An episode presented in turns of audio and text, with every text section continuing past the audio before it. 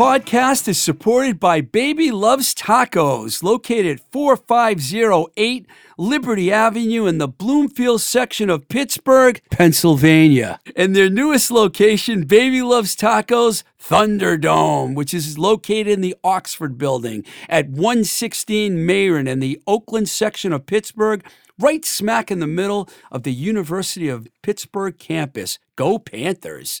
Check out the BLT website, Baby Loves Tacos, PGH.com, and stay tuned for the spring opening of the Give and Go Market, which will be located right next door to the locale in Bloomfield at 4510 Liberty.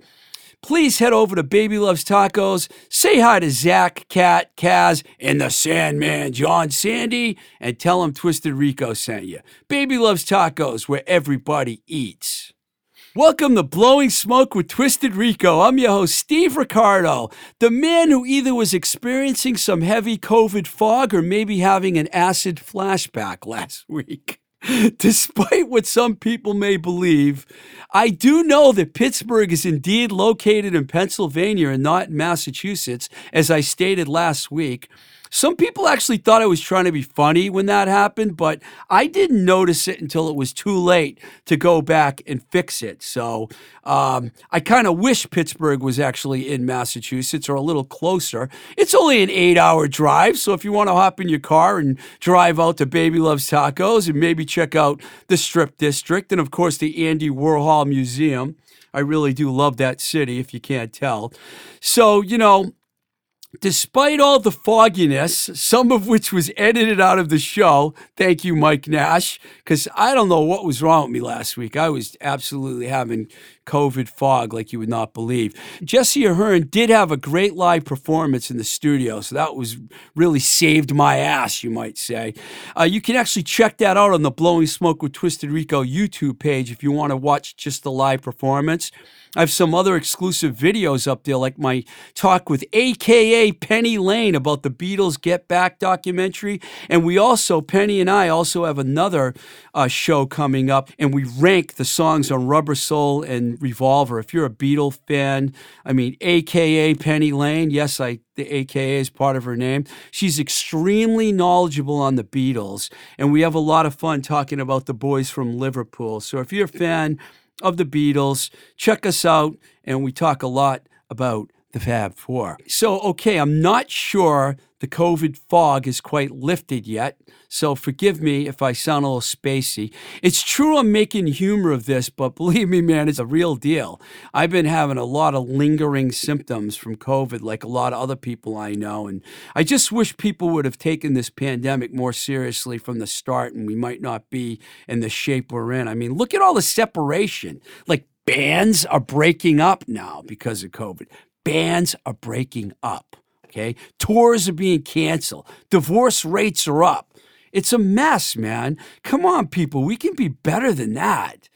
God. All right. Enough about that. I was uh, really excited about this show for good reason. This week we have Johnny Rock, aka John Lynch, on the show. Johnny still plays in a number of great bands, and he also, he's also a real hardcore music fan and probably one of the biggest Kiss fans that I know. Among the bands that John has played or is still playing in are Avoid One Thing, Watts, The Dirty Truckers, and of course the neighborhoods. He followed in the footsteps of Careful Mike Quaglia and the late Carl Coletti and became the band's third drummer. And as he tells us, it's hard to believe he's been in the hoods now for like 20 years, although we're not even sure if the hoods even are the hoods anymore. I have a feeling they're not. All these bands are really good, and if that's not enough, John played three shows with one of the greatest rock bands in American rock and roll history, Steppenwolf, with the great John Kay. Well, then, Sookie Sookie Sue, goddamn the pusher. Let's go on a magic carpet ride, and baby, we were born to be wild. Had to do that. Needless to say, I love Steppenwolf and how relevant is the Steppenwolf Monster album now. Seriously, if you've not listened to that album, you need to revisit it. Listen to this one little segment from the album and tell you if this reminds you of our current situation. America, where are you now? Don't you care about your sons and daughters? Don't you know we need you now? We can't fight alone against the monster. That's right. John Kay was ahead of his time, and John Lynch is going to talk to us about Mr. K. All right, so how about if we listen to a tune? from Mr. Lynch, one of his bands. This one is from those shady rock and rollers. Danny Kopko on guitar. One of the coolest dudes around, John Blout, guitar. Danny and John both on vocals. Tim McCoy on bass and vocals. And of course, Johnny Lynch pounding on the drums. Are you ready to rock? This is Queens from the band Watts. And then you get to hear yours truly talking with Johnny Lynch.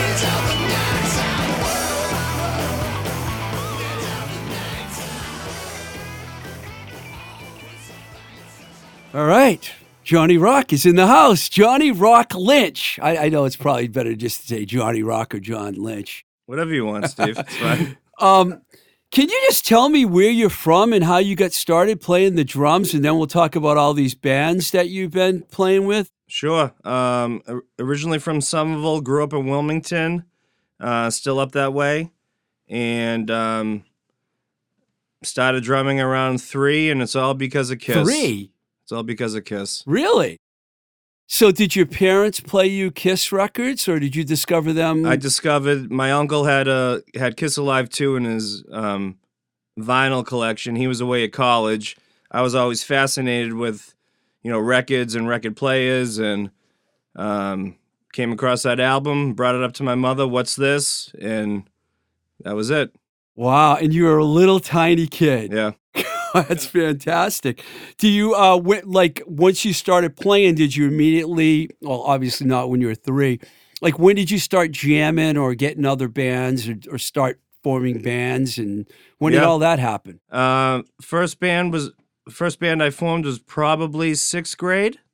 Up until that point, we're just you know playing along to records, Kiss, Ozzy, Van Halen, uh, Motley Crue, um, and then yeah, sixth grade started my first band. Um, every year, middle school, sixth, seventh, and eighth played on the last day with the band. This is at last day of Wilmington school in yep, Wilmington? Wilmington at the North Intermediate. Yeah, which is north of Boston North for of people Boston, listening from other parts of the country. yep. Um, th- what was the first band that you were in? First band- remember? oh yeah, sure. The first band was called Suede Ace. Suede Ace. Ace, A C E. A C E. Yeah. So was it because of Ace? Well, Really? yeah, I mean, I mean, maybe. I'm not sure who came up with the band name, but um, we all loved Kiss, and especially me. So yeah, that that could be possible. Yeah. You reminded me when we were talking before we came in here about the band The Naked Sams. Were they actually before Avoid One Thing, or was, or was Avoid One Thing the Naked Sams? That was your first real Yeah. band, like so to speak. Intro to Boston. Yeah. Um, that yeah, that band was 2000, and that's initially when I met Dave Minahan. Um, and he and I hit it off, and obviously, you know, playing with him all those years in the in the hoods. Um, did you? You didn't start playing with the Hoods before Avoid One Thing, did you? Um, like two, three months before I joined Avoid One Thing, I played my first gig with Dave and Lee. Yeah, I did not know that. at one of the at the Regent Theater. One of those. Um, it was a benefit for. Um, oh God, I forget. But like Steven Tyler showed up. Um, oh, oh, right turn. It was yeah, a right Woody, turn benefit. Woody, Woody, from the Woody Giessmann. I remember that. right. Wow. Wow, I had my order a little. Uh, I was a little out of order here. I thought Yeah. you had played with Avoid One Thing before you were in the neighborhoods, but it was actually kind of coincided Two months, two three bit. months after. Yeah, same year, two thousand three. I'm still going to ask you about Avoid One Thing first. Oh, you Oh, yeah. played with some real legends in that band, Joe Gittleman and Amy Griffin. Yep. And I know you joined the band when their original drummer, Dave Karcich, unfortunately passed away. Was Paul Delano still in the band when you joined, or had he? Because I know you became a three piece. Is it Delano or Delano? I, I always thought it Del- was Delano. You know what? I was corrected by someone about that on a show recently when the guys from Lovely were on here. Yeah. It is Delano. Oh, that's that's his new band, right? Lovely. I've been calling him Delano. I think it's Delano, but um, I like to call him Sully. So I'm sorry, Paul. I got to get Paul on the show one of these days. Yeah, man. get He's him on. He'd be- guy. he'd be so, so you guys did play together for a little oh yeah, while, sure, yeah. and then on the uh, the Chopstick Bridge record that you re- you recorded that with Paul Kolderie. That must have been a great experience. Paul experience. Kolderie. Yep, yep. I'm saying all the names That's wrong, well, aren't I? you know, that's okay. That must have been a great experience for you working with someone like that, Sure. legendary producer. Oh yeah. And then you know, um, so that band was around for a few years, but I know other the people in the band had other things going on. Like Joe had the Bosstones, you had the neighborhoods. Amy probably was doing some rockabilly stuff too at the time. So was it more of a side project for everybody? Avoid. Yeah. Um, well, no, I mean, at, at that point, um, I mean, we were a fully active band because I joined in 2003. It, it was really two years, 2003 to 05. Um, and when the band really started playing more, like the Bosstones were on, on a hiatus, so it was Joe's kind of full time thing. Right. Um, and again, it was two years, two and a half years, and then the only thing that happened was Joe ended up moving out to L.A. to work for SideOneDummy, so he moved. So the band just kind of that was it. So the Hoods um, really started to become more active after that. Um, so is Which that- it was which was a little bit of a surprise for someone like me because I had a long history with the Hoods. I never thought that they would come back. It was Right. almost like Johnny Rock came along and put the band back together. well, How did that all happen? I mean, you met. You said you met David Minahan. yep. just was it? Did he see you play or something? Well, no, it was really just he- produced the Naked Sam's. We recorded Okay, it at the yeah. old Woolly in, in in the Fenway in Boston. You know, Thirteen twelve Boylston Street. exactly. Um, you know, 22 years ago, like I was telling you earlier, I'll I'll know Dave 22 years this year. Wow. It's crazy. Um, but you know, we just hit it off, and I should mention too. At the time, I was working um, for a furniture company. It was a summer job, and there was an older guy that worked there, probably ten years older than me, also a drummer. And he and I told him, I'm like, oh, I'm going into the studio with my band. This guy David Minahan is producing us, and he said, David Minahan from the neighborhoods. I'm like, I don't know.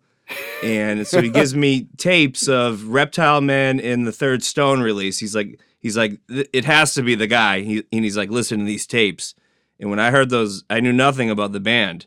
I mean, I became an instant fan. And, you know, meeting Dave and, you know, asking about, you know, the, the history and, you know, playing weird drum fills and like during he's getting drum sounds and I can see him behind the glass, like kind of just kind of losing his mind a little bit. And, and then, um, you know, Lee was out of town at the time. Lee was l- living in Philly. And I think when Lee came back to Mass, um, and Dave kind of had his like, you know, partner in crime Yeah. again, is when he really decided, yeah, let's do it. Cause he, he you know, he would always get offers, but also, you know, he didn't have a drummer for a, a while too. Yeah. So, and then Lee wasn't around. I think when Lee came back to Mass, it, D- Dave felt like, all right, let's, um, let's give it a go, I guess, you know? Yeah, I can imagine that must have been interesting. You heard those records, and then all of a sudden, well, let's hear you play all these songs now. Oh, blew me away. Like the, the drum fills on Roxanne and you know Pure and Easy, so great. Um, Yeah, and, you know I like the heavy stuff too, like Reptile Man, Peeping Tom. Yeah, I worked on those records, man. Those records are great. I mean, two different style drummers too. Careful Mike Quaglia and uh, Carl Coletti, the late great Carl Yeah. Coletti, Yep. completely different. So, yeah, so th- you have to fig- figure that all into your style because you fit in good. I see, I've seen you with the band. yeah. Thank you. Uh, um, yeah, you know, uh, I guess um, I, I try to incorporate Your own style. my own stuff, but also like you know listening to the studio re- recordings, but then also having a lot of live shows and you know hearing how Kyle would would play Mike's parts and you know you know just you know honing in on what Mike was doing too. So you know I try to kind of meld it all together. I know you're a lot younger than Lee and Dave, so that must have been a really interesting situation for you to be in Yeah, at that point. Well, you'd already had played with some pretty Yeah. legendary people, but you know, because Joe Gittleman is, you know, and, and Amy, those guys are like pros. oh yeah, Going way fast forward, Last Known Address is like a absolutely solid record. In fact, I'm going to end the show today with Bygone Era because I was a punk in '77 too. But uh, I was born in '77. Man, come on, man. Did you really have to say that right Well- then and there? Minahan and I are both upset. I know Dave, he did say that. He went there, didn't he? Um, that record is really a great record. Lee told me that some of those songs go all the way back to like way, way, way back, like 20 years, probably when you were around. Um, Almost, yeah. So all of that stuff was recorded in various times, wasn't it? It wasn't all recorded together. No. And that's why it took so long to come out. Um, but initially, before Dave left the Fenway and, and ripped apart that, that studio and moved it all to Waltham, I said to him, I'm like, Dave, why don't we try to like get some, some drum takes? And because he had stuff, you know, and we re-recorded some old stuff. Um, but That room had a lot has a lot of history. Oh, I think John great- Hartcorn was the one that originally built that room. that's right. And that's then right. this other guy, Dan Kastner, had it, and then Dave got it from Dan. Yep. I used to be in that building when I first moved back to Boston. I used to be able to see Minahan every day. That yeah, was and then fun. they had the B room on that Yeah. second level. Caper and- Town South. Yeah, yeah, exactly. Yeah, I worked in that room too. Gang Green recorded up there and Three and a Half Girls and that. And I've been to that. Yeah, Dave is. I remember him first when he. You knew him right when he first started becoming a great engineer. Right. I mean, it. It like you know. So um, I mean, I know this is a difficult question, but do you think that the the neighborhoods will be doing more stuff in the future? A lot of people like to hear the answer to that question. Yeah. Uh, if if I'm gonna be completely honest, I don't think so. You don't think so? I don't, unfortunately. I got that impression from Dave too Yeah. on more than one occasion. Lee didn't really, you know, Lee's involved in a lot of other pro, all good ones, like you, which Yeah. we're going to talk about. No, Lee's playing right a ton. now. It's great. Um, you've always managed to surround yourself with amazing talent, as we're finding out here right now.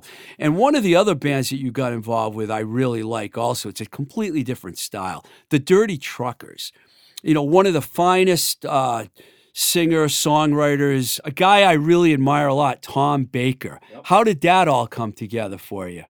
Um, you know, we knew each other in, in this, you know, being, you know, musicians in the scene and um they were just having um drummer issues and I'm not even sure and um god, who was playing with them Jim at the time? Dilios, I think, was their original. I think he's guy. on the first one. Yeah. Um I get confused with Tom because he's got the dirty snakes, the dirty truckers. yeah, the one the one the one-eyed snakes. uh, Yeah, but there, you know what? The thing about Tom is he's a great songwriter. Oh, that's it. He's had a ton of drummers though, a ton of drummers. I think um oh god, so 9 19. I'm going to be in that band 12 years this year. You're still Yeah. technically a dirty trucker. Oh yeah, yeah, we got a we got a record coming out um ho- hopefully in the spring or um early summer.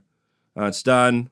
Coming out on Rum Bar, Wildman Lou, you oh, know. nice. Yeah, Lou, it. Lou, Lou likes you, man, a Yeah. lot. We, he was on my show. Oh yeah. Uh, the, the other thing about Tom that I like is he always has a lot of great guitar players around. Yeah. If you look at some of the guys he's played with, man, aside from having a great drummer, he's he he surrounds himself with really good musicians as well. So there's a new Dirty Truckers record coming out. coming out. It's done.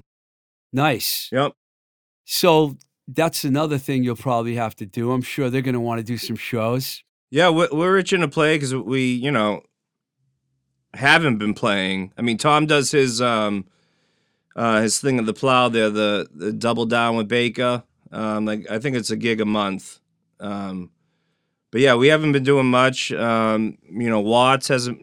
Actually, none of the bands have really been doing much. I, I have an Avoid One Thing show coming up in April, You which I'm looking forward to. Yeah. Is it going to be the three of you doing it? Uh, no, no, Paul's there. Paul Paul's in. too. Yeah. Yeah Nice. since, since these reunion things or you know whatever you want to call them um the few things that have happened um we've done it as a four piece yeah You're like one of the hardest working guys, man, around, man. You're in, like now we're going to talk about Watts. I Yeah. mean, and you know, Watts is a very visible band too. Uh, before you came on, we pl- I played the song uh, "Queens" from the Shady Rock and Rollers album, which is, I believe, the band's latest release. latest yep Um, I love that song, and I love the traditional hard rock attitude of the band. And I also have to mention that John Blout is not only a great musician, but he's a fantastic wildlife oh yeah photographer. Because I follow him on Instagram, and his photos are just incredible.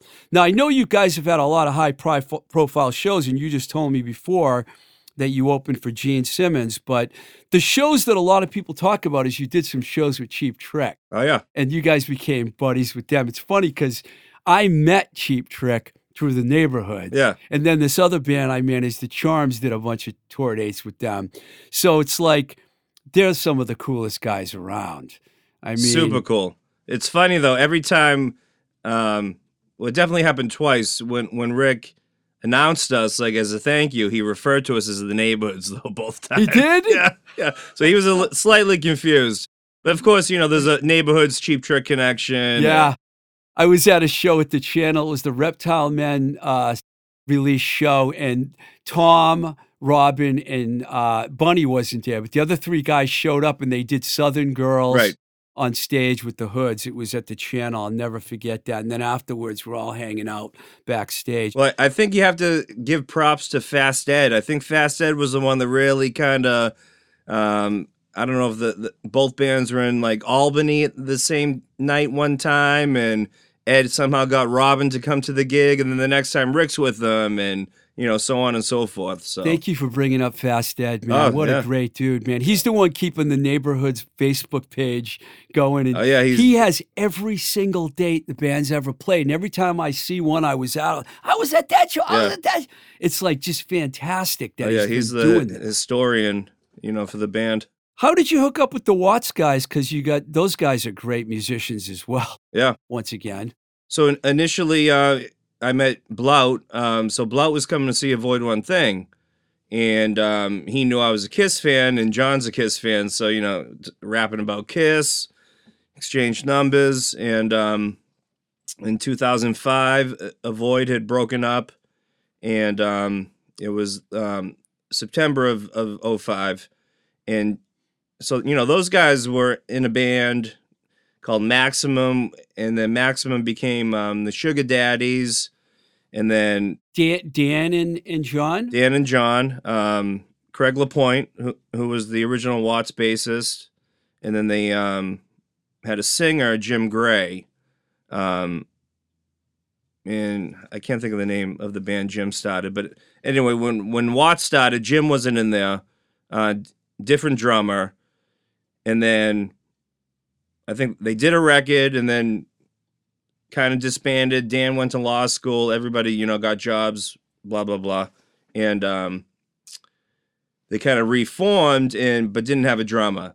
And then Blout, He played drums sometimes well, too. Yeah. well, yeah, he's a drummer um, yeah. initially because he was a drummer at Maximum. Anyway, um, I'm rambling here, but um, they um, got offered to play a, a buddy's bachelor party, and Blah was like, you, know, it was only like three songs, and they were gonna, wanted to do a Kiss tune, so I, we did "Come On and Love Me" um, Nice. as, a, as a cover, and that was it. And then, um, you know, they had songs already. Um, you know, Dan and John had a ton of songs already written, and um, I I just loved the tunes, and I'm like, hey, if you guys want to, you know, kind of start doing this again, I'm in, and then and that's kind of how it ha- happened. Well, that band has really been growing on me. You guys write straight ahead, cool hard rock songs, and you know I'm a hard rock guy. I'm a Yeah. punk and a hard rock guy. Yep. I got to talk about this as well because this is like mind blowing. With no disrespect to all the other great bands that we talked about, I feel like I saved the best for last year. John Kay and Steppenwolf. Now, are you a permanent member of the band now? no, no, no, no, no. You just fill I in. just filled in three shows. Um, uh, unfortunately, the drummer of like 30 plus years, I think 34 years, um, had some health stuff. And um, it was the last year of the band. They never really canceled. And, uh, you know, the show must go on. So my cousin's the keyboardist. He's been with John Kay since 81. Um, you know, if anyone knows anything about Steppenwolf, there was some, you know, rebuilding years and and that's when my cousin was was with John. So really like going through the trenches again and um but you know, they brought the band back to life. Um and um, you know, it, it was because of my cousin. He, like he knew I could do it and What's your cousin's name? uh, Michael Wilk from uh, Chicopee, Massachusetts. Nice. Yeah. Western Mass. Yeah, yep, Well, exactly. I got to ask you this. Did you ever play the classic nine minute medley from uh, Monster? Well, yeah, we yeah we played Monster. You did? We did. Yeah. oh, man. Yeah. I just absolutely. I Before you came on, I talk about Steppenwolf a little. Um, it's my second favorite uh, Steppenwolf song. The P- Goddamn the Pusher's Yeah. my favorite. Yep. You probably played that. Oh too. yeah. Those ended- are some. the show's ended with the Pusher last song, but written by Ho- Hoyt Axton. Yes, I The know- actor. Yes, Yeah. exactly. Yeah. That's amazing Yeah. when you think about it. Um, we were talking about this for a couple of minutes before. Uh, it's a shame that Steppenwolf is not in the Rock and Roll Hall of Fame. I can't figure that out for the life of me. Right. John Kay is an absolute legend. Legend. and the fact that you actually played shows with him, I bow to you, man. Yeah. Yeah. He's um um he's a legend. Uh, and it was funny because um you know when it, he he told a few stories and it's like whenever he talks you just like kind of yeah, just listen you know yeah. I can imagine. I would love. I saw them.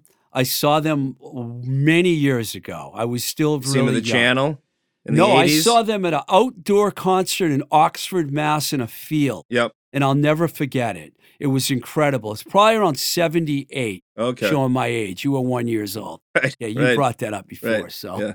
Aside from all these bands, I know that you do a lot of studio projects too, because my friend Dave Spaz made sure to ask, you you know, mention Peak 15, because I know you played on that. It was you, him, and Minahan with the band pretty much on Yep. that. So, do you like doing a lot of studio things with other bands? Yeah. Yeah. Sure. It's fun. You get asked a lot to do that? Um, I, I have. Yeah.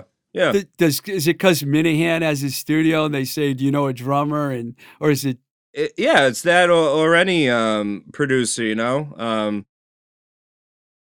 I'm a you know quick study. I I could you, you know I could you could send me the song. I could have it ready, or I could show up and, and learn it right on the spot. So um, it's all about you know being um efficient and you know getting the getting the take in like you know two passes. So you know. Well, uh, I'm not going to let you off.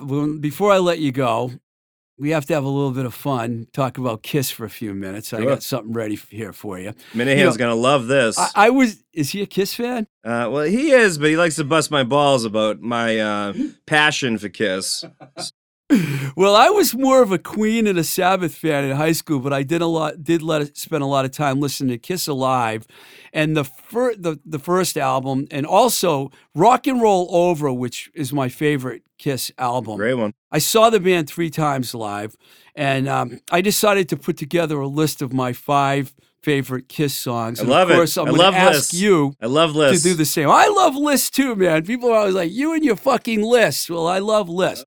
So I've got five songs here, and I've got an honorable mention. And I'm going to give you mine first, and then you're the real expert, so you're going to be able to tell me your five. Okay, number five, Deuce from the first album, because the riff is like one of the greatest riffs ever. First song they uh, auditioned Ace to too. Um, good. You can give your commentary on Yeah, every one of my yeah. songs. I like that. Number four, you writing this down, Mike Nash? Mike's like, get, get Mike. this interview over with. like, I hate Kiss.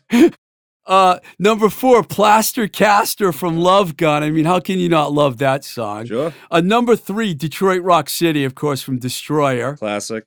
Um, number two, I Want You, which I, is one of, I really, you know, I'm not the hugest Kiss fan, but that song from Rock and Roll Over, fucking amazing. I love Classic. Paul. And my number one favorite Kiss song from the first album, the last song on the album, Black, Black Diamond. Diamond. Yep. And my honorable mention, and I had to make this an honorable mention because I didn't want to insult Ace and uh, Peter Criss, because this song has Eric Carr and Vinnie Vincent on it.